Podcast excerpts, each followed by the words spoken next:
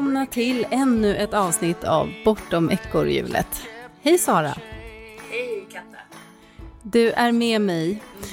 Eh, och vi är ju mitt i den här rafflande uppstarten av hösten. Jag vet, det vibrerar av höststart och nystart i sociala medier. Det är, ehm, vissa pratar om det med stor längtan och andra med, någon, med väldigt mycket bävan. Och eh, längtan till, eh, Ja. tillbaka till sommaren. Ja, jag har sett många inlägg om eh, mjukstarta och eh, veva igång och att hjärnorna inte riktigt är där de ska vara. Hur det här går till vet vi inte riktigt, men eh, nu är vi ju här igen, att sommarens slappa dagar, de ligger bakom oss. Löven börjar gulna, vi är så otroligt pigga, utvilade och fulltankade med energi för ett helt år framåt. Eller är vi det? Det är kanske så att fyra veckors sommarlov inte riktigt är tillräckligt att leva på till jul eller till nästa sommar. Och vad gör man om man inte är ett dugg utvilad och motiverad att gå tillbaka till jobbet? Jo, men då tycker jag att man ska lyssna på dagens avsnitt, eh, för det är precis det vi ska prata om. Vi har bjudit in Sveriges kanske mesta expert på motivation och engagemang och eh, han har synpunkter på det här med semester som svaret på allt.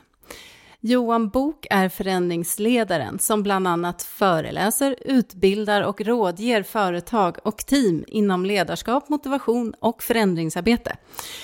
Han är också grundare till Hej Engagemang som just verkar för att höja engagemang och motivation i ett arbetsliv där vi faktiskt mår allt sämre. Välkommen hit Johan Bok. Stort tack för att jag får eh, vara med och eh, hej nerifrån Skåne. Hej! Du, du är ju fortfarande kvar lite i sommaren kan man ju säga, Ja, det kan man säga. Jag sitter faktiskt i shorts och t-shirt och när jag väl då har vissa möten så byter jag om till skjorta och sen åker den ju av igen efter mötet och så sätter jag mig på t-shirt igen. Så på det viset är det ju bra med distansmöten. Ja, ja, det är smidigt. Ja, så du mjukstartar lite så här efter sommaren. Absolut. Ja, mjukstart och mjukstart, det vet jag inte riktigt. Jag har haft en fantastisk sommar, väldigt avkopplande. Men eh, det har ju tagit rejäl fart eh, direkt på måndag morgon i stort sett. Så skillnaden var ju rätt så stor. Mm. Ja, den kan ju vara det när man har eh, haft lata dagar på stranden och sen ska försöka kicka igång sig själv. Om vi ska, eh, hade du någonting att tillägga till den här presentationen eller eh, fick vi med det mesta? Nej, du fick väl med det mesta som, som det står till just nu. Eh, Hej Engagemang har jag ju grundat tillsammans med Niklas Delmar och Emma Egnell, så det är ju inte bara jag själv. Eh, och det var ju liksom en gemensam dröm om att vara någon slags folkbildare och lobbyist för engagemang, välmående och prestation, framförallt då i, i arbetslivet. Eh, för det man ser är att vi blir mindre och mindre engagerade på jobbet och den psykiska ohälsan ökar. Så vi eh, ville ju göra någonting åt de trenderna som vi inte såg som så speciellt eh, positiva. Och så ser vi inom forskningen kring arbetslivet att det finns otroligt mycket saker man kan göra för att det faktiskt ska bli högt engagemang och man ska känna hög motivation för sina arbetsuppgifter och hur man ska må och prestera bra. Men problematiken är att organisationer inte drar nytta av den kunskapen och gör verkstad av den i sin organisation. Eh, och det är där vi vill utbilda människor i hur man går tillväga för att skapa en engagerad, välmående, högpresterande organisation. Ja, du har ju många strängar på din lyra. En röd tråd som, alltså när man följer dig och, så, och hur du beskriver dig själv också, det är ju att du är väldigt intresserad för av hur vi som människor fungerar och kommunicerar. Och det är ju mycket det vi grottar i här i, i den här podden Min- också. Minst sagt, jag kan ju minnas tillbaka i hela livet. Jag har ju aldrig varit intresserad av hur en pryl fungerar. Alltså det finns ju de som skruvar sönder och är superintresserade. Jag är bara intresserad av att, att prylen fungerar.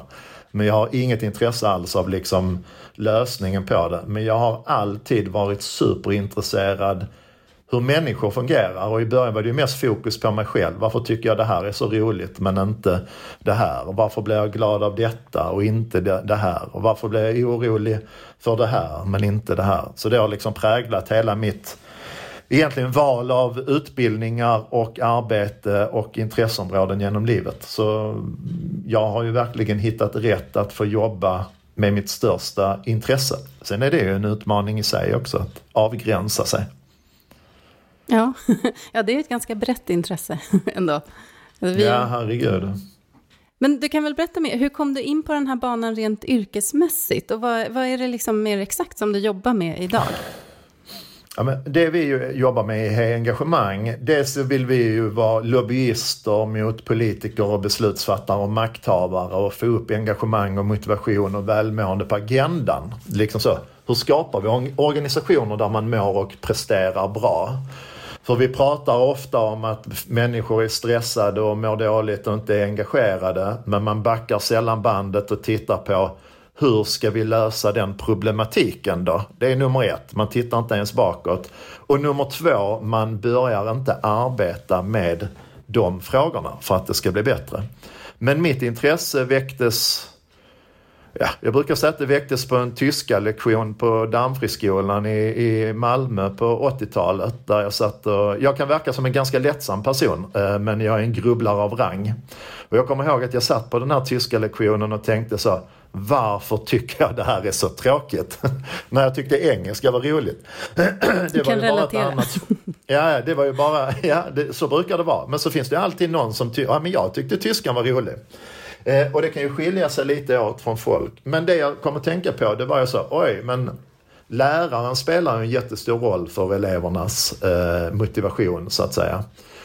Eh, och då var jag så, ja, okej okay, Rolf som min tysklärare hette, han lyckades inte riktigt väcka min nyfikenhet för att vilja lära mig tyska på riktigt. Eh, och om man tittar på motivation ur en forskningssynpunkt så om jag bara läser tyska för att få ett högt betyg så är det den dåliga kvaliteten på motivation. Utan man vill åt den finfina kvaliteten som handlar om att jag vill lära mig tyska för att jag tycker att det är värdefullt och jag vill verkligen lära mig det. Och det lyckades inte riktigt Rolf med. Eh, men sen har jag funderat på den frågan i i klassen, i idrottslivet. Jag har hållit på med lagidrott och volleyboll hela mitt liv. Varför tycker jag det är så kul att spela i det här laget? Och sen slutar tränaren eller någon spelare så är det någonting helt annat. Eh, så när jag väl skulle välja inriktning på vad jag skulle plugga så hamnade ju på medie och kommunikationsvetenskap men där jag hela tiden var intresserad av det interna i en organisation. Men jag var ju ändå den, totala, jag var den totala nörden i tre år på medie och kommunikationsvetenskap. För alla andra ville ju bara jobba med reklam och marknadsföring. Det var ju ingen som fattade vad jag gjorde där. Men sen eh, pluggade jag på Göteborgs universitet, organisation och ledarskap också. Då var man ju mycket mer liksom med sina gelikar på, på något sätt. Sen har jag faktiskt jobbat med de här frågorna i nästan 20 år. Att jobbat med ledarutveckling, teamutveckling, coaching, motivation, engagemang, välmående och prestation. Men eh, majoriteten av åren har jag ju varit anställd men driver sedan några år tillbaks eh, lite egna bolag istället. Um, så då kan man säga att det var rätt avgörande val för min del att, att starta eget. Så jag gör egentligen exakt samma saker som jag gjorde som anställd. Men jag mår otroligt mycket bättre och jag är otroligt mycket mer motiverad trots att jag gör exakt samma saker.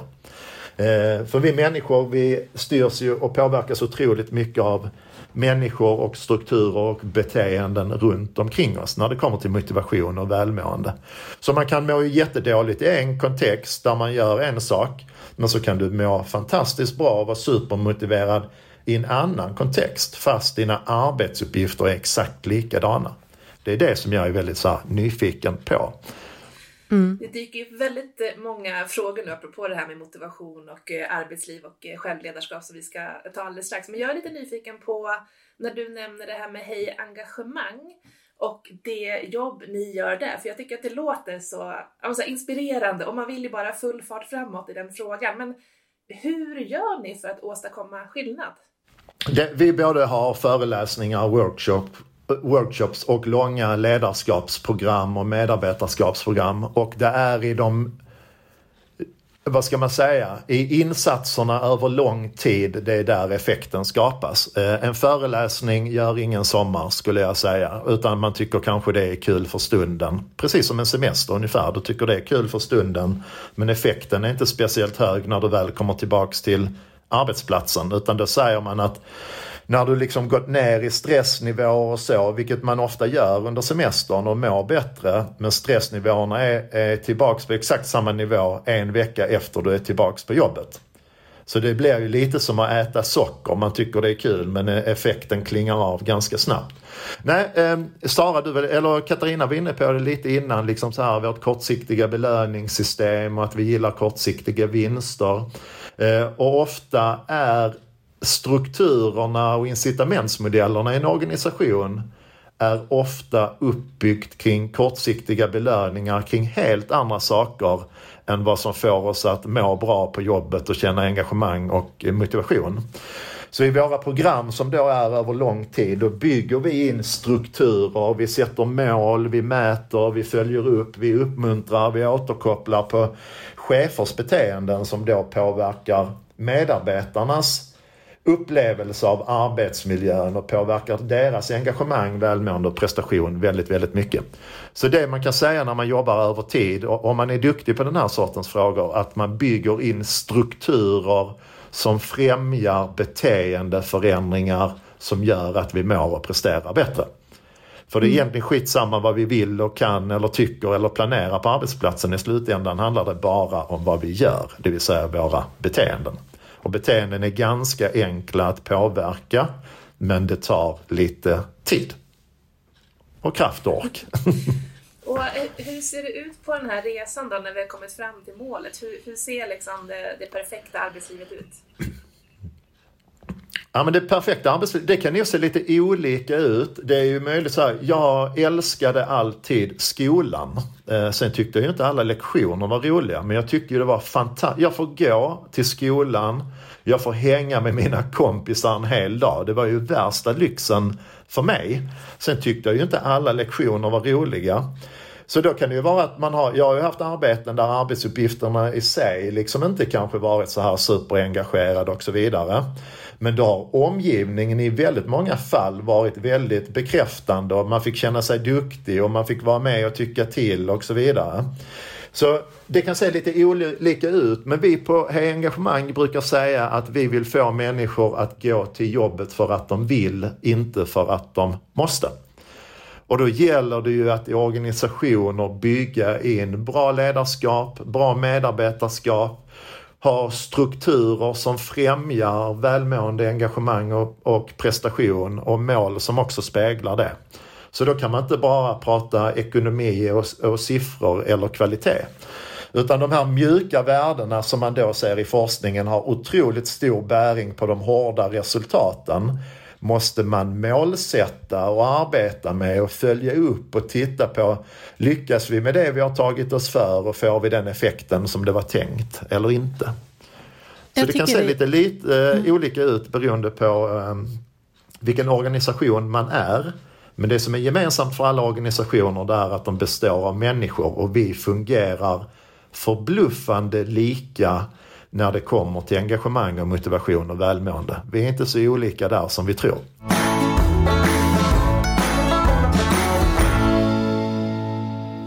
Jag tycker det är så intressant för att man har varit runt på en del företag inom sin karriär, både som anställd och som konsult eh, och liksom i samarbetsprojekt. Och det är ju någonting, eh, jag tänker att gapet måste vara väldigt stort här. Hur kommer det sig att, att vi så ofta, det finns så många dåliga chefer och det finns eh, så många strukturer som inte är ett dugg anpassade för medarbetar, liksom, engagemang.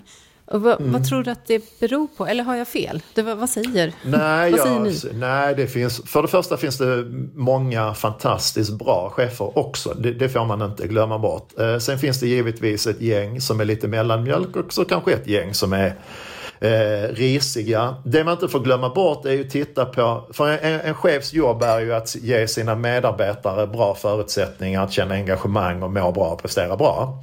Men vem ger cheferna bra förutsättningar? Den glömmer man ofta bort. Hur, hur ser deras strukturer ut? Vad har de för slags chef? Vad är det de mäts och följs upp och återkopplas på? Så om man då bara mm. mäts upp och, och, och um, piskas på siffror och det är det enda man pratar om, ja då är det det enda de kommer fokusera på. Och det ser man tydligt i forskning. Om det finns ett krav från styrelsen Eh, på högt engagemang och att man ska ha höga frisktal och så vidare. Och det är någonting som man kontinuerligt pratar om och mäter och det finns konsekvenser för om man inte når upp till det. Då ser man att det får en bäring på hela organisationen. Men eh, om det inte finns någon kravbild uppifrån så brukar det ofta bli lite som det blir. Och i och med att våra hjärnor älskar kortsiktiga belöningar så kommer vi jaga de kortsiktiga vinsterna. Och det är ofta ekonomi. Katta, jag har, jag har, en, frå jag har en fråga till dig. Har, har, du varit på en arbetsplats som, som har den här härliga perfekta målbilden som Johan pratar om? Eh, ja, men jag funderar på om det har varit inbyggt i strukturen eller om det har liksom berott på en viss person som ledare eller att mm. ett visst team har trivts väldigt bra tillsammans. Eh, så det har nog kanske inte varit liksom inbyggt. Sen har jag, jo, jag har jobbat med ett företag där, där hela grundidén med deras eh, vinstdrivande verksamhet, det var faktiskt att, att eh, bygga en arbetsplats som de själva ville jobba på. Det var det liksom grundarna mm. började med. Men då, då, är du inne på något jätteviktigt här Katarina. Det är ju att det börjar ju högst upp någonstans. Mm. Så om, om vdn eller verksamhetschefen är superintresserad av den, av den här sortens frågor och vill ha det på plats, då kommer han eller hon påverka vad de andra cheferna i organisationen fokuserar på som i sin tur då påverkar sina medarbetare.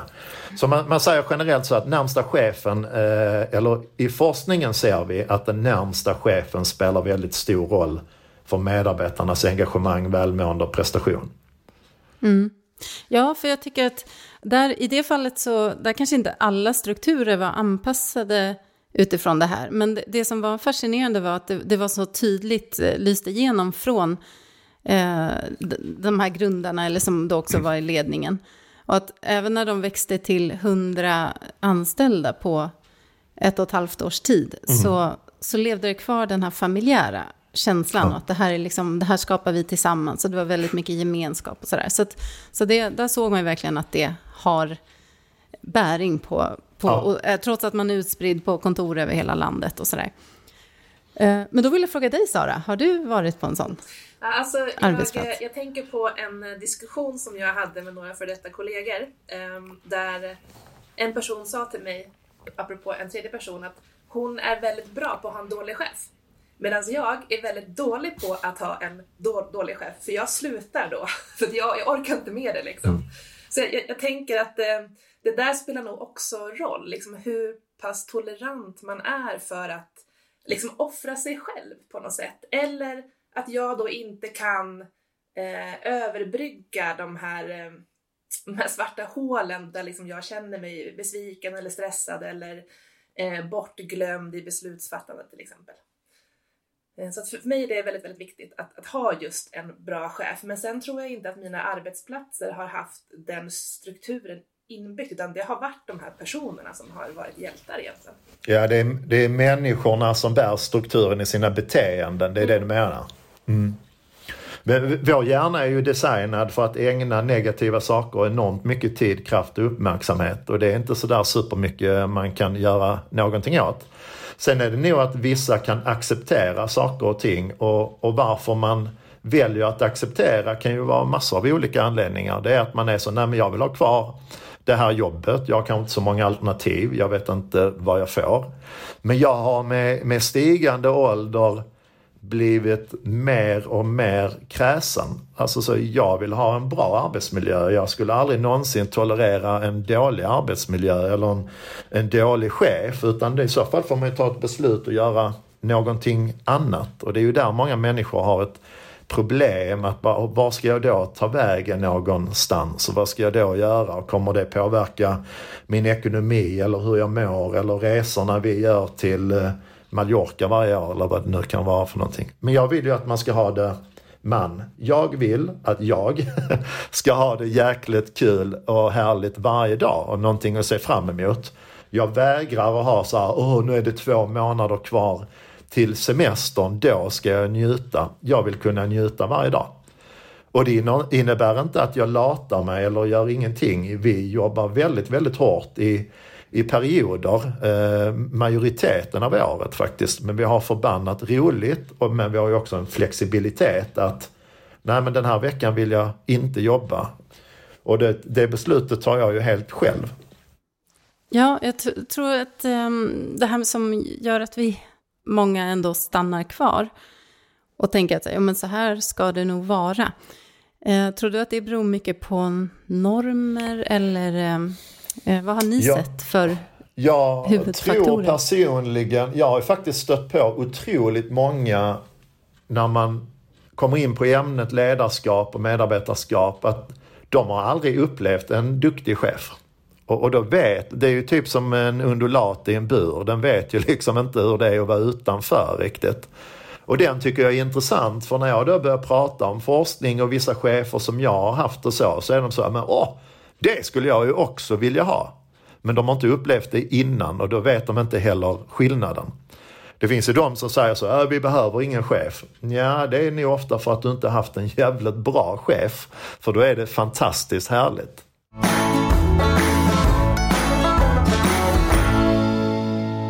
Vad tycker du utmärker en bra chef? För det kan ju säkert variera lite för person till person vad man passar med. Men har, ser ni några tydliga... Kan, om, man kan, eh, om vi kikar inom vetenskapen så ser man att det finns ingen korrelation mellan att ha varit chef länge och vara en bättre chef än någon som är helt ny som chef. Så, så erfarenheten spelar ingen roll när det kommer till att få medarbetare att prestera. Men det handlar ju enormt mycket om människosyn och intresse för hur man får människor att må och prestera bra.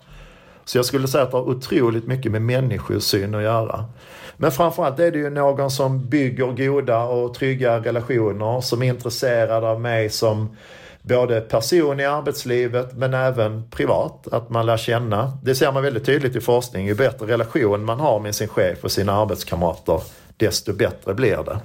Och sen handlar det om tillit, det handlar om förtroende, det handlar om eh, världens största metastudie så ser man tydligt att det finns något som heter professionell respekt. Det vill säga att om jag jobbar som expert inom ledarskap till exempel så ska min chef och mina arbetskamrater ha en stor respekt för min profession.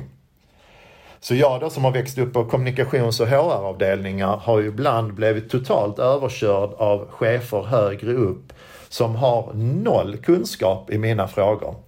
Så då är det ju ingen professionell respekt när jag utifrån min bakgrund, min utbildning och min erfarenhet säger att Nej, men när vi bygger ledarskapsprogram så gör vi så här för det är det absolut bästa enligt forskningen. Och så kommer det in en chef och säger nej, de grejerna ska vi inte göra.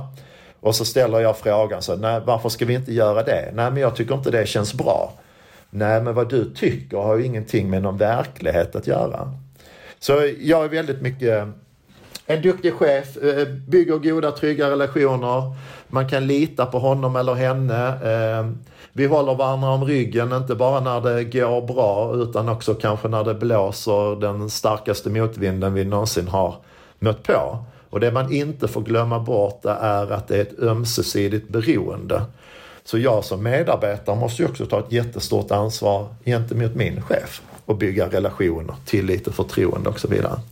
Men man pratar lite för lite om den sortens frågor i, i organisationer för då är vi tillbaka i vårt kortsiktiga belöningssystem. Man ser inte en direkt vinning av det. Utan den vinningen kommer ju över tid och det kan ju ta lång tid att bygga eh, en relation och förtroende. Verkligen, och det går snabbt att rasera också. väldigt, väldigt snabbt. Mm. Det räcker ju med en lögn så kan eh, ett år av förtroendebygge vara raserat. Hur, hur viktigt är eh, det här, eller hur mycket, vi pratar ju om det här med att komma tillbaka till jobbet efter semestern och man kan känna liksom eh, stressnivån går upp igen och eh, hur viktigt är liksom ledarskapet, eh, är, är det den enskilt mest avgörande delen i hur vi mår på jobbet? Eh, ja, det är väl snarare liksom förutsättningarna som cheferna ger. Liksom med måltydlighet, involvera oss i hur ska vi uppnå de här utmanande målen? Eh, har vi en rimlig arbetsbelastning? Hur ser ansvarsområde och roller ut? Eh, har vi en psykologisk trygghet i vår organisation där jag känner att nej nu har jag på tok för mycket att göra, jag klarar inte mer. Eller att man helt enkelt bara säger nu tycker jag det börjar bli lite för mycket, vi mäktar inte med det här nya uppdraget. Att man vågar säga nej och att det finns någon som lyssnar på en.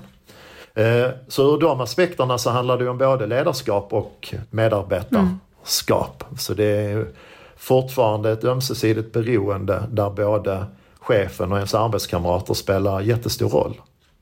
Ja, intressant. Eh, Sara, vi har ju pratat mycket också om det här med känslan av eh, frihet i ett jobb. Och att nu är vi båda egenföretagare och vi båda har ju valt det utifrån en frihetslängtan som vi har. Men, eh, och framförallt du Sara har ju pratat om, du har ju också varit anställd och känt precis samma, samma frihet. Som hur, anställd? Ja, och att det handlar mycket om då, ja, dels relationen med chefen och förtroendet och, och sådär. Mm. Men, eh, för det har jag förstått är en viktig del, eh, alltså enligt forskningen, i, i vad som bygger motivation. En del är ju den här känslan av frihet, eller ja, autonomi, själv... Ja. Ja, man kallar det autonomi. Eh, vi brukar prata om self-determination theory. Det är ju världens främsta motivationsforskning och autonomi, alltså det är lite klumpigt översatt från engelskan så pratar man om självbestämmande teorin. Och, och, det är ju att man ska uppleva att min åsikt räknas på arbetsplatsen och jag får vara med och påverka hur vi ska arbeta för att nå de där målen. Mm. Så det, det, är den enskilt viktigaste faktorn för eh, motivation. Den absolut viktigaste är att jag känner att jag får vara med och påverka och att min åsikt räknas. Och hur tycker du att det ser ut idag, liksom, om, man, om man tittar på liksom vad, vad visionen är om det perfekta arbetslivet och hur svenska företag jobbar idag med det? Tillitsdelegationen som då är eh, tillsatt av eh, svenska regeringen har ju ett uppdrag att inom offentliga verksamheter så ska man jobba med tillitsbaserat ledarskap. Det innebär att du skjuter ut ansvar och beslut ut i organisationen där de som kan verksamheten får ta besluten. Det vill säga att de har en enorm frihet, stora mandat eh, och hög autonomi. Men det är ju man, man, kan någonstans säga att det är den största kulturförflyttningen som gjorts i det svenska arbetslivet på alltså, hur många år som helst. För frågar du en chef varför han eller hon har velat bli chef så handlar det ofta om att de vill vara med och bestämma mer. Eh, och alla gillar att få vara med och påverka och bestämma, vissa till stor del och vissa till lite mindre del. Men det innebär då ju att nu ska de ge iväg bestämmandet till någon annan. Och då tappar de ju lite kontrollen och så vill man ibland ha det på sitt sätt. Och tillitsbaserat ledarskap handlar ju om att de ute i organisationen bestämmer hur vi ska göra utifrån vad de tycker och sin erfarenhet och så vidare. Och då skulle ju en chef som har ett stort kontrollbehov kunna få lite panik när den idén eller aktiviteten inte alls är som hon eller han tänkt sig. Men det betyder ju inte att idén är dålig, den är ju kanske fullkomligen genial. Det är bara att den här chefen inte förstår det. Mm. Så det är en jättestor kulturresa att göra, egentligen både för chefer och medarbetare. Att vara detaljstyrd är ju ganska demotiverande men det är också bekvämt. Du behöver inte ta så där mycket ansvar. Det är ju bara att göra det du har blivit tillsagd och om det blir fel så är det ju inte ditt fel. Du har ju bara gjort som du har blivit tillsagd. Så ibland när vi märker, vi jobbar mycket med, med målarbete och målnedbrytning. Och om man tittar inom målforskning så är det så otroligt viktigt att involvera medarbetare i huret. Om vi säger att vi ska tjäna x kronor eller ha x högt engagemang eller ett visst kvalitetsmått eller volymer så ska man involvera medarbetarna i huret. Och då är det ofta att det blir lite stopp när vi gör det de första gångerna för medarbetarna är inte vana att få vara med och tycka till. Och då, ska, då kan det kännas lite, lite läskigt. Men det man ser i forskningen det är att när man ser till att de här förutsättningarna kring self-determination theory, eh, kompetens, autonomi och samhörighet finns på plats så blir effekten väldigt, väldigt god när det kommer till engagemang, välmående, produktivitet och prestation. Något som jag tycker är intressant då, när vi pratar om det, då, då, då handlar det ju väldigt mycket om hur man rekryterar chefer eller ledare. Och eh, det, det, här är då källa feeling, men idag när, när, när man tittar på sådana annonser så handlar det ju ofta om att du ska vara resultatorienterad och du ska ha erfarenhet av det här och det här. Och just de här kompetenserna tycker jag inte är liksom sådär mm, ofta förekommande. Resultatorienterad tycker jag är otroligt intressant. Eh, att vara fokuserad på resultatet, det är ju superenkelt. Vem som helst kan lägga upp en strategi och, och sätta mål och följa upp måluppfyllelsen. Men resultatet är ju bara en konsekvens av medarbetarnas engagemang och vad de gör under dagarna. Så det är ju det, att vara resultatfokuserad på riktigt skulle jag säga, då är man jäkligt intresserad av hur, hur mår mina medarbetare? Hur engagerade är de? Hur motiverade är de? Hur tydligt är det vad vi ska göra? Hur ska vi göra det? Gör vi det vi har sagt vi ska göra och vad blir utfallet av det? Så att vara resultatorienterad är inte stirra sig blind på siffror. Det är att vara så superengagerad i hur medarbetarna mår och deras förutsättningar att prestera bra. Och det är ju mm. sällan det man börjar prata om när man pratar om resultatfokus. Och om Nej. man skulle titta innanför dörrarna på en ledningsgrupp som är väldigt resultatfokuserad så skulle jag säga att de mest följer upp siffror, de, alltså på slutresultatet, inte tittar på processen innan. Så att vara resultatorienterad på riktigt, då är man superintresserad av människorna i organisationen och ge dem rätt förutsättningar att må och prestera bra i linje med det som man har bestämt man ska göra för att uppnå målen. Shit vad jag pratar mycket nu. Men tänk om vi kunde få se sådana annonser.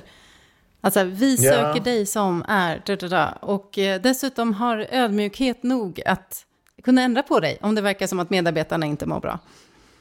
Jag hade ju en idé om att i varje jobbannons så ska man också eh, redan från början skriva ut att ja, men vårt engagemangsindex eh, för den här avdelningen ser ut så här. Eh, bara så att ni vet. Det har varit jäkligt schysst att liksom outa det redan direkt. Eh, dels tycker jag att det är en liten rolig idé att göra och jag tror det hade varit en grym grej för att få fart på det arbetet inne i organisationerna. För man vill inte outa med en dålig arbetsmiljö. Då hade de också velat göra någonting åt det. Och det är ju nästan lite sorgligt att det ska behöva yttre incitament för att man ska ta tag i den sortens frågor. Mm. Det skulle man ju vilja ändå. Hederlig skam. Exakt. Eller mm. så hade jag velat se en riktigt ärlig eh, platsannons där man, bara så du vet, så din, din chef är inte speciellt närvarande. Han eller hon kommer bara fokusera på siffror. Arbetsmiljön är ganska dyster, men du kommer få lön en gång i månaden. Välkommen mm. med din ansökan. Det hade ju också varit in, härligt att se någon som var helt eh, transparent. Ja.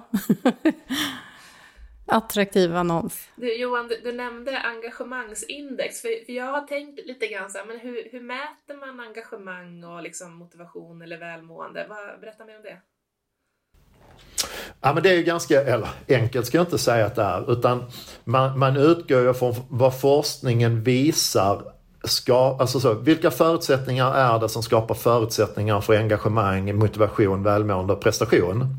Sen så har man ju då påståenden kring det. Eh, Sara, har du tydliga mål i ditt arbete? Eh, har du tydliga förväntningar vad du ska göra för att uppnå målen? Får du en kontinuerlig uppmuntran, uppföljning och, och återkoppling? Eh, är din chef tillgänglig? Känner du att du har en rimlig arbetsbelastning? Har du en bra relation med, med dina arbetskamrater? Och så vidare och så vidare. Så utifrån det så får man då fram ett index som egentligen mäter huruvida medarbetare, chefer är också medarbetare, det får man inte glömma bort, upplever förutsättningarna för engagemang och motivation och, och välmående. Så det hade varit rätt så roligt om man fick in det som KPI och så att man, jag brukar säga om man skulle jobba på samma sätt med engagemang och motivation och välmående som man gör med sin ekonomi i en organisation. Det vill säga att du har ett väldigt tydligt mål, du har en tydlig budget, du följer upp kontinuerligt och agerar på målavvikelser. Om vi hade gjort på samma sätt med engagemang, motivation och välmående och då mäter man ju inte bara en gång per år utan du mäter kanske en gång varannan månad och tar action på målavvikelser, då hade det hänt väldigt, väldigt mycket. Det är ju ingen organisation, ofta mäter man engagemang och motivation en gång per år och ibland två gånger per år. Det är ju ingen som hade sagt det till ekonomiavdelningen så tar ni nu ledigt hela året och så kollar vi i slutet på året hur det har gått. Det hade man aldrig någonsin gjort. Så jobba på samma sätt med engagemang och motivation som man gör med sin ekonomi så hade det skett eh, underverk i organisationen.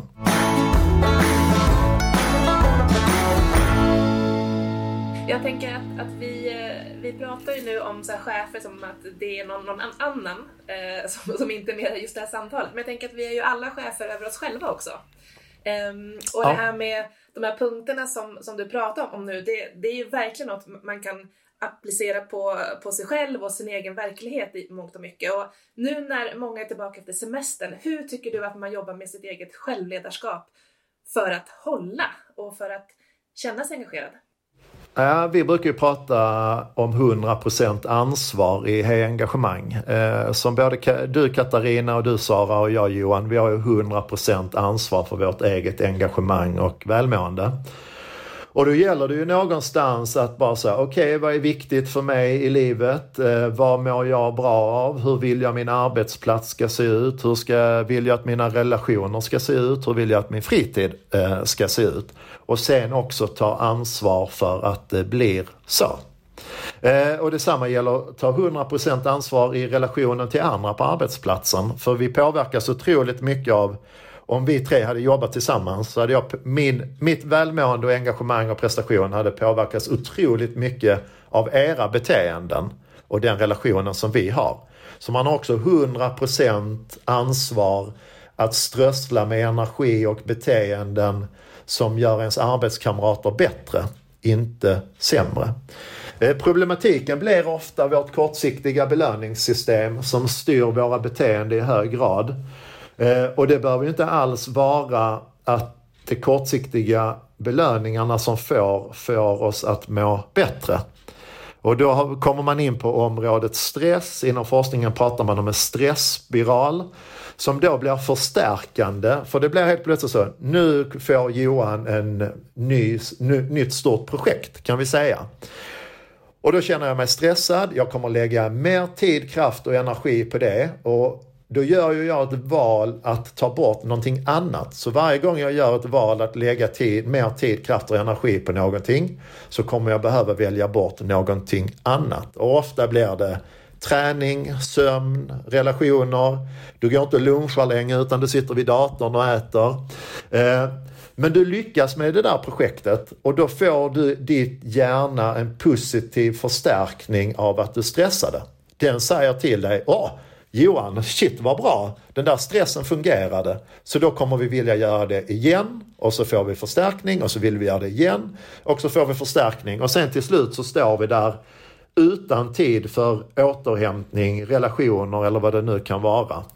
Så vi människor är inte alltid speciellt bra på att ta beslut som är bra för oss. Vi kan ta hybridarbete till exempel så ser man ju ganska tydligt om, om man skulle fråga en forskare, ska Johan, Katarina och Sara själv helt få bestämma var, när och hur de arbetar så hade de sagt så, nej för fan. Vi människor är inte speciellt bra på att ta sådana beslut utan vi tar ofta beslut som är lätta för oss. att Nej men jag väljer att jobba hemifrån eh, idag eh, för då slipper jag pendla in till jobbet och så hinner jag lägga in en, en tvätt i tvättmaskinen. Men vi ser liksom inte baksidan av det beslutet. Ja, men då, eh, det man ser i forskningen är att de som faktiskt tar sig till ett kontor, de rör sig mycket mer fysiskt än de som jobbar hemifrån. Eh, det stora esset i rockharmen med hybridarbete det är ju att man säger att eh, att du blir så effektiv och produktiv och att du slipper pendla till jobbet och så den tiden sparar du in. Så ser man väldigt tydligt i forskning att de som det kallas för autonomiparadoxen, det vill säga när vi får möjlighet att jobba varifrån eh, vi vill, hur vi vill och kanske när vi vill så tenderar vi att jobba överallt hela tiden. Så majoriteten av de som får möjligheten att bestämma när de jobbar på distans jobbar otroligt mycket mer timmar än de som inte gör det. Så då sitter vi där igen att bara oj, nu väljer jag bort en massa andra saker som är härligt för mig som kan ha med återhämtning, idrott, sociala relationer att göra. För jag väljer att jobba. Så jag, jag tror att man måste sätta sig ner när man inte är stressad och vid sina fulla sinnesbruk och sätta upp mål för hur vill jag att mina veckor i livet ser ut? Eh, den största anledningen till att arbetet ofta stjäl mer och mer tid är att det ofta är ganska tydligt vad du har för mål och vad du ska lyckas med och att du blir uppmuntrad, uppföljd och återkopplad på det. Då tenderar våra beteenden att svälja mer och mer av det. Så man måste sätta eh, mål för privatlivet också. Hur vill jag att mina dagar ska se ut? Hur ofta ska jag ha tid att träna? När har jag tid att umgås med den jag älskar eller mina kompisar eller mina barn? När har jag tid att göra ingenting? För då hamnar det plötsligt i en konflikt med varandra.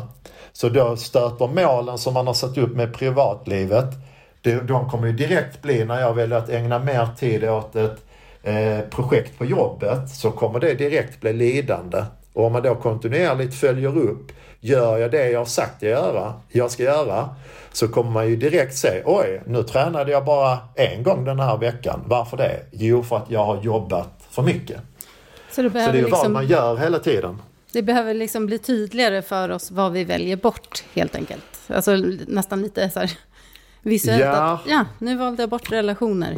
Och det ska kännas ja, och jag, lite. jag kan nog vara lite skomakarens barn själv ibland men jag kämpar verkligen. Jag är ju en personlighetstyp som är ganska gränslös. Att så tycker jag någonting är kul så sväljer det väldigt mycket tid. Eh, men att man verkligen också bygger in kuddar av tid i sin tillvaro. Att allting inte är att stressa hem från jobbet till träningen, stressa hem till barnen, laga middag och sen ska man renovera huset och sen är man jättetrött. Utan mm. att alltid finns luckor. För det kommer hända saker i livet. Det kan vara att någon man Eh, någon närstående går bort eller att man nu ska renovera det där huset eller att ens barn blir sjukt eller att man själv blir sjuk. Så att man bygger in kuddar för att saker och ting kan hända. Så att man inte alltid ligger på gränsen utan det finns en buffert med tid för återhämtning att göra ingenting. Mm. Jag skulle vilja backa då till där vi började eh, egentligen, det här med semestern och att eh, den, det egentligen inte är tillräckligt med återhämtning för, för ett helt år. Vi kan liksom inte bunkra återhämtning. Och då kommer ju självledarskapet in mycket. Eh, men det är ju den här modellen som samhället lite är uppbyggt kring. Att vi ska ha våra fem veckors semester eller fyra eller vad det nu är. Exakt. Och, och det är ju egentligen från industritiden. Alltså ja. det är ju från 50-60-talet. Det som har skett, den stora förändringen i arbetslivet nu är att vi har, är mer högutbildade, vi har mycket mer komplexa arbetsuppgifter som vi dessutom ska lösa tillsammans med andra. Eh, vi har en omvärld som förändras i otroligt snabb takt. Så arbetslivet idag så jobbar vi ju inte fler timmar än vad vi gjorde förr kanske. Men det är otroligt mycket mer utmanande för våra kognitiva funktioner. Det vill säga det är oerhört mycket mer belastande för våra hjärnor än vad arbetet var förr. Och där har liksom inte samhället och kunskapen och strukturerna riktigt följt med. Jag skulle säga att det egentligen är skitsamma om du har fyra eller fem veckor på sommaren, semester där du kopplar bort helt från jobbet. Om strukturerna resten av året inte främjar ditt engagemang och, och välmående. Mm. Utan då handlar det ju om att bygga in strukturer där jag mår bra varje dag. Precis, ja, det är det vi ofta har återkommit till i, i poddens historia också. Att mm. mycket handlar om dels dina vardagsrutiner, men också dina prioriteringar. Alltså bygga en vardag som är hållbar och inte lita på att helgerna och semestern ska lösa allting. Nej. Men eh, om man nu är eh, där idag då, att man lyssnar på det här och tänker så här, ja men vad fan, precis så är det för mig. Eh, hur, hur skulle du säga att, vad kan man börja med? Ja, men jag, skulle jag brukar ju säga att jag är en drömjagare, att jag jagar en dröm om hur jag vill att mitt liv ska se ut, inte bara arbetslivet. Eh, men för mig är det ju inte en dröm egentligen utan för mig är det ju ett väldigt konkret mål. Och det skulle jag vilja att alla funderade över. Så, hur vill jag att mitt liv ska se ut? idag. Eller så har man kanske ett mål här bort. Jag har ju ett mål som ligger kanske fem år fram i tiden. Liksom att jag, då, då vill jag verkligen känna att jag både har tid, kraft och ekonomi att göra vad jag vill när jag vill. Och det handlar inte om att jag inte ska arbeta. Jag tycker det är otroligt kul att jobba. Men att jag ska kunna välja, alltså jag vill göra de här sakerna eller det här året då skulle jag vilja skriva en ny bok eller vad det nu kan vara för någonting. Men, men det kommer ju inte av sig själv. Utan att man säger så här skulle jag vilja att mitt liv ser ut. För det är många som har en idé om arbetslivet. Jag vill vara chef och tjäna så här mycket. Ja men det har ju ingenting med att göra om hur du kommer må eller uppleva ditt liv. Så att man tittar på hela livet. Hur vill jag arbetet ska se ut? Vad vill jag jobba med? Vem vill jag jobba med? Hur vill jag att det ska se ut på arbetsplatsen där jag jobbar i form av relationer, ledarskap, medarbetarskap? Hur mycket tid vill jag lägga på det? Vilka andra intressen vill jag ha? Hur mycket tid och vilka relationer vill jag ha där och så vidare. För om man inte har en målbild av hur man vill att det ska se ut, då kan du ju inte heller ta fram delmål och aktiviteter som ska ta dig dit. Så det första man måste göra är att sätta sig ner och definiera hur vill jag ha det? Mm. Och sen kanske då vara jäkligt modig. Eh, du pratade ju innan om att ni båda är egenföretagare och så vidare. Att, eh, pratar vi om dåliga chefer. Jag brukar säga att det finns någonting bra med dåliga chefer. Det är att de faktiskt ofta skapar entreprenörer. Jag lämnade också eh, livet som att vara anställd bara av den anledningen egentligen. Bara så, nej jag, jag vill inte ha det så här. Eh, och så kom jag ihåg när jag lämnade min arbetsgivare att jag hade fortfarande en anställning i mitt huvud som var så här, ja men då vill jag hitta en organisation som jag är otroligt stolt över att jobba i, som vill världen någonting gott och det duger faktiskt inte ens med bara en bra chef utan jag vill ha en fantastisk chef och jag är trött på det där dåliga ledarskapet som jag har varit med om i perioder. Och så någonstans var jag så bara, hmm, Johan det blir nog inte helt, helt lätt. så, så mitt beslut att starta eget var en, eh, det var nog en del av en 40-årskris och eh, att jag faktiskt gick in i, i väggen. Det, var, det är en ganska tydlig, eh, vad ska man säga, så här tipping point för min, min första tipping point det var när Rasmus och Luffen kom eh, typ 81, 82. Eh, jag har så, så otroligt eh, starkt, vad ska man säga, så här, minne av det. Sen vill jag ju inte vara en luffare som ligger liksom på en höbal och röker pipa. Men den där friheten var jag helt så shit, det har, det har liksom genomsyrat hela mitt liv på något sätt. Men den andra mm. tipping pointen är definitivt när jag gick in i väggen. Eh, då hamnade jag en psykolog som heter Douglas och första gången jag kom till honom så var jag så shit, alla borde gå hos en psykolog oavsett hur bra eh, man tycker att man har det i livet. För det var en fantastisk resa att få göra tillsammans med, eh, med Douglas. Att det var ju liksom verkligen ransaka sitt liv, sin person. Och om jag gör och strävar efter saker på grund av, vad ska man säga, andras önskemål eller andras förväntningar eller påhittade strukturer och kontexter i samhället. Och då kom jag ju på att jag gör ju en massa grejer för att jag för att andra förväntar sig det av mig och samhällsstrukturer och så vidare. Så innan dess var jag väldigt intresserad av att tjäna mycket pengar och bo i ett eh, fint hus och ha en dyr bil och båtar och skit. Eh, nu bryr jag mig ingenting om det. För nu har jag verkligen fattat att det är inte det som kommer göra att jag blir lycklig överhuvudtaget. Utan Nej. det finns andra faktorer som gör det. Och det, det vet väl många, men det är ändå fortfarande det och lite så konsumtionsnormen som driver oss dit också. Och som kanske gör att man känner att man sitter fast någonstans. Ja, att... alla strukturer i samhället styr ju oss mot konsumtion egentligen. Alltså, om man tittar på något så enkelt som sociala medier, Facebook, Instagram, TikTok. Allting handlar ju egentligen om marknadsföring av produkter och tjänster som folk ska köpa än mer av. Eh, och så alla företag handlar ju om att skapa produkter eller tjänster som folk vill köpa. Eh, och alla trender handlar om att du ska se ut på ett visst sätt och bo på ett visst sätt och föra dig på ett visst sätt och så vidare. Där tror jag att det, det du säger här om att, att måla upp den här eh, visionen av hur jag vill eh, ha det och hur, ska, hur vill jag att mitt liv ska se ut eh, och känna den starkt i sig. Det det ger ju också en starkare motståndskraft till de här impulserna som kommer. Eller att du kanske blir erbjuden ett jobb som är lite smickrande, men det är egentligen inte i linje med det du vill göra. Så att du Nej, och det är ju många som, som blir chefer för att det är ett steg i karriären och du får mer pengar i plånboken. Men det kommer ju inte innebära att du blir lyckligare för det, för det passar kanske inte alls dig som, som person. Eh, men jag tror det handlar väldigt mycket om rädsla och mod.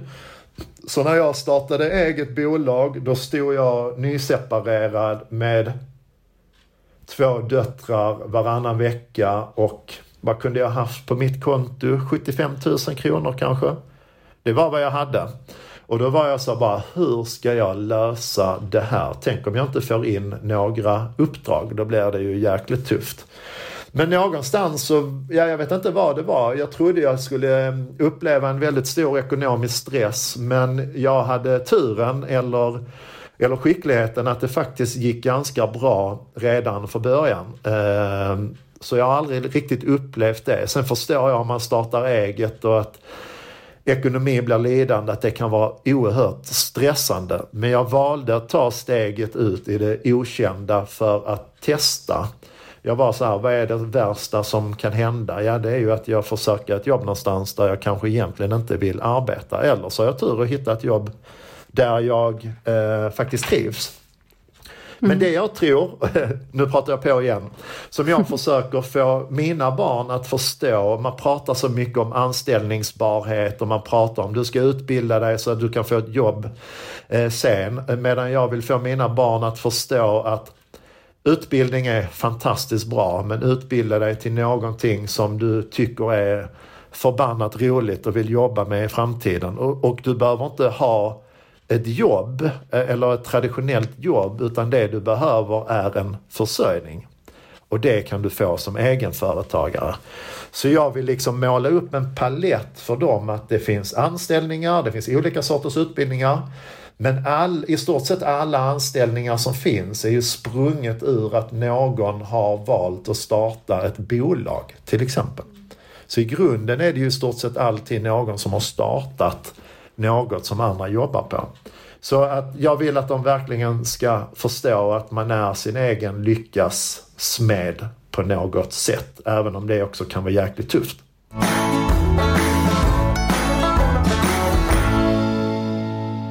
Om vi skulle summera lite för våra lyssnare som är i den här situationen nu, att man kanske kommer tillbaka och det känns tungt och jobbigt. Eh, vad, vad skulle du vilja skicka med? Eh, dels skulle jag vilja skicka med jag skulle säga tre punkter, men jag har inte en aning om det blir tre punkter. Det blir kanske två, eller fyra, eller fem. Eh, nummer ett. Eh, man behöver inte träffa eh, psykologen Douglas utan sätta sig ner och rannsaka sig själv. Lever jag verkligen det livet som jag vill leva? Och om jag inte har någon tydlig bild av det så skulle jag definiera hur vill jag att mitt liv ska se ut i framtiden? Både arbetslivet och fritiden och mina relationer och vad jag ska ha tid till och inte tid och så vidare. Eh, och titta på, är jag då på rätt ställe i livet för att kunna nå dit? Eh, och vill jag verkligen dit, vad behöver jag i så fall göra? Och, och det är ingen quick fix. Jag satte ju upp liksom min, jag har hållit på att jaga mina drömmar i 10-15 år. Och sen ibland så går man fel så uppnår man det ena delmålet man har satt så är man så här, oj, eh, det var ju faktiskt inte här jag ville vara så här, jag trodde det skulle vara någonting annat när jag kom hit, men det var det inte. Ja, men då är det bara att sätta upp en ny väg och vandra för att uppnå det som man vill. Eh, så jag tror man måste liksom älska själva processen framåt också, att det ska vara, det kan vara tufft, men man ska känna att det här är vägen till någonting bättre i mitt liv. Och då kan det också få lov att vara lite tufft. Eh, på engagemang brukar vi också göra något som heter Energikollen. Och då listar man på ena sidan och då kan man använda kontexten arbetslivet gör ju vi mycket i och med att vi jobbar i arbetslivet. Eh, och då sätter man, eh, ena sidan är minus så här, vad och vem, eh, nej ena sidan är plus, vad och vem ger mig energi på jobbet? Så definierar man det. Men vilka personer på jobbet ger mig energi? Eh, eh, vilka saker som jag gör på jobbet ger mig en massa energi? Och sen så gör man då den jobbiga sidan, den eh, själva minussidan. Vad och vem tar min energi på jobbet? Och när man väl har summerat det så kan man också titta på så, är jag nöjd med hur det ser ut? Mm. Nej, det är jag kanske inte. Och då måste vi agera på saker och ting. Vi människor är ganska bra på att gnälla och beklaga oss över saker. Vi är inte riktigt lika bra på att ta tag i det. Mig inkluderat. Ibland är jag fantastiskt stark i att ta tag i saker. Ibland är jag fantastiskt jäkla dålig på att ta tag i saker. Så om vi inte är nöjda med saker i vårt liv eller med relationer så måste vi agera på det. Så det är också en del i att i hela livet vill man ju ha människor och saker som ger en, en, en energi i mångt och mycket. Inte tömmer en på energi hela tiden. Så det skulle i så fall vara, vara punkt nummer två. Först identifiera var vill jag vara i livet. Nummer två, titta på energikollen, minus och plus. Är jag nöjd med det? Och nummer tre så skulle jag vara att vara kräsen med livet. Alltså vi har, mig veterligen så har jag bara ett liv och jag har inte en aning om när det tar slut överhuvudtaget. Och då duger det fan till mig inte för mig att jag ska längta efter en semester på fyra veckor varje år utan då måste jag ha kul och tycka livet är härligt men också jobba hårt eh, varje dag. Så någonting, det är nog många som hade tyckt att mitt drömliv hade varit fasligt jobbigt. För jag är väldigt, väldigt aktiv. Jag jagar upplevelser hela tiden. Medan någon annan tycker det är helt okej okay att kanske köra till jobbet klockan åtta på morgonen. Och sen är man där till fem och sen kör man hem och så pratar man lite i trädgården, gör middag, tittar på Aktuellt, somnar. Det är kanske drömlivet för någon annan, men det är det inte för mig. Och det är nog där jag tror så, våga definiera drömlivet hur det är för dig och tänk bort andras förväntningar och påhittade strukturer i samhället. För det är inte någon slags verklighet utan den mm. skapar du själv när du designar hur du vill ha det. Och det är ju bara du som bestämmer det. Alltså- Man ska stärka, gym, gymträna sin inre kompass helt enkelt. Ja, och det handlar nog om att våga och när man väl börjar våga och göra saker under, annorlunda än vad man gjort innan så kommer man ganska snabbt inse att det var inte så farligt. Och sen får man en jäkla skjuts. Och sen blir man beroende av att liksom agera på sin längtan. Ja, herregud. Det är bra ju. Och, och en annan sak är att omge sig av människor som tror på en och sporrar en och främjar en i ens dröm eller målsättning, inte tvärtom hemma. Mm, mycket viktigt faktiskt att komma ihåg. Mm.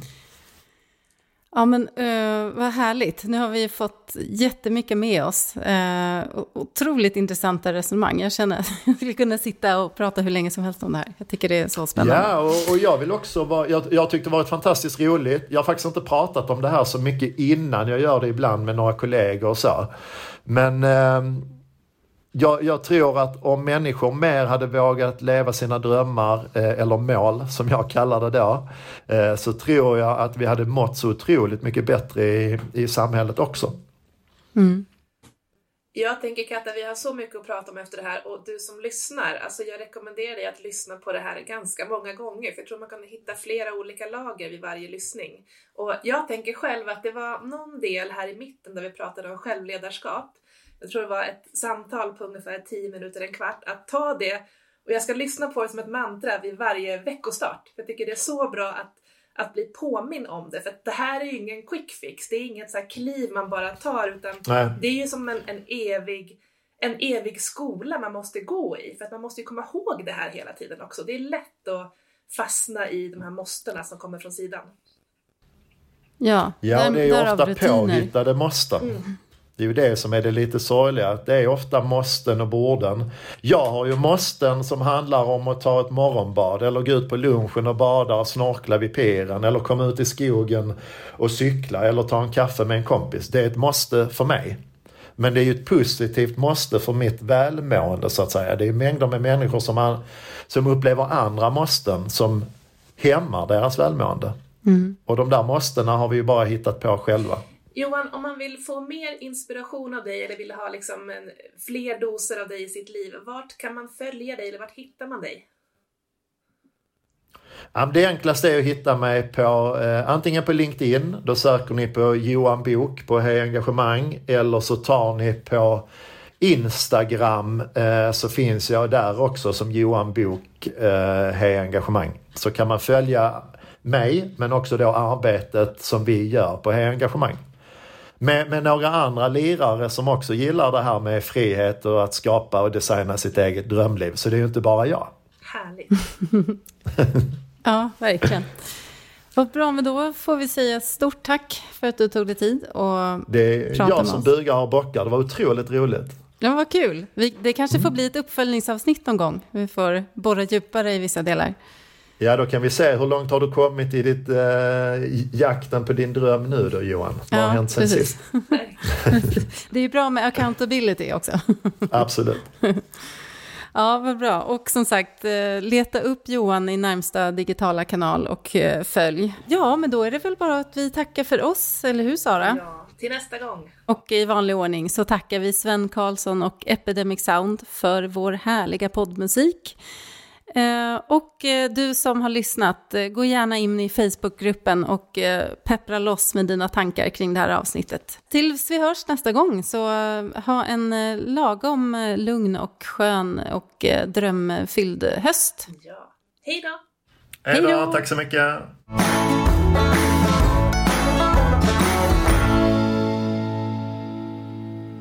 Alltså den som kunde se mig Eh, när vi pratade med Johan, den skulle sett att jag bara satt och log hela tiden. För det är så extremt mycket som Johan säger som jag verkligen skriver under på och eh, som vi aktivt jobbar med i Seasons of You. Eh, och Seasons of You eh, kommer vi köra igång igen nu den 1 september med sista anmälningsdag den 26 augusti. Det är ett digitalt program just för att ja, men så här, checka av där man är just nu och kalibrera sin kompass mot framtiden. Att, att liksom ge sig själv lite självkärlek, att uh, identifiera just det här vad man mår bra av, vad man behöver mer av i livet och ja, fylla på med härliga, härliga reflektionsövningar och guidade meditationer och det gör man ju just för att hitta sin längtan och sin mm. sanning. Och så, Sara, för den som inte har testat det här förut, för ni har ju kört några gånger redan med, eh, ni har fått väldigt goda recensioner. Men eh, beskriv lite närmare hur det här upplägget fungerar. Och vad, vad, liksom, vad krävs av mig som deltagare? Och så Ja, precis. I höst så kör vi i 21 dagar och eh, det går ut på att du investerar 15 minuter av din tid som du lägger på dig själv varje dag. Eh, så varje morgon kommer du få ett sms med dagens uppgift och det kan vara en reflektionsövning, det kan vara en guidad meditation, det kan vara en liten yogasekvens just för att eh, vi möts ju i det, det, fysiska och själen. Det händer ju någonting när, när vi rör på oss i det där. Eh, eller ett samtal till exempel. Så att det, det är en, eh, ja, men en investering i den absolut längsta relationen du har i ditt liv och det är ju med den som du har med dig själv. Mm. Eh, där du får, men där du skapar klarhet i i eh, vart du är just nu och vad du vill ha mer av i livet. Så 15 minuter per dag under mm. 21 dagar. Och då blir man liksom vägledd av er genom de här smsen. Så det, det låter inte så krångligt. Nej, det är väldigt enkelt. Det är ganska skönt att ha en sån guide och en sån ledare. Så att se det som 21 dagar med guidning. Mm. Eh, vilket är väldigt härligt. Mm. Om man nu är intresserad Sara, var eh, hittar man mer information och vart kan man anmäla sig? Ja, det är eh, all information hittar du på sararonne.se så kommer du att liksom se vart du ska klicka vidare i där. Seasons of You heter programmet alltså och det handlar om självledarskap och det är precis det som Johan pratar om. So when you find the strength to really shed your skin all you read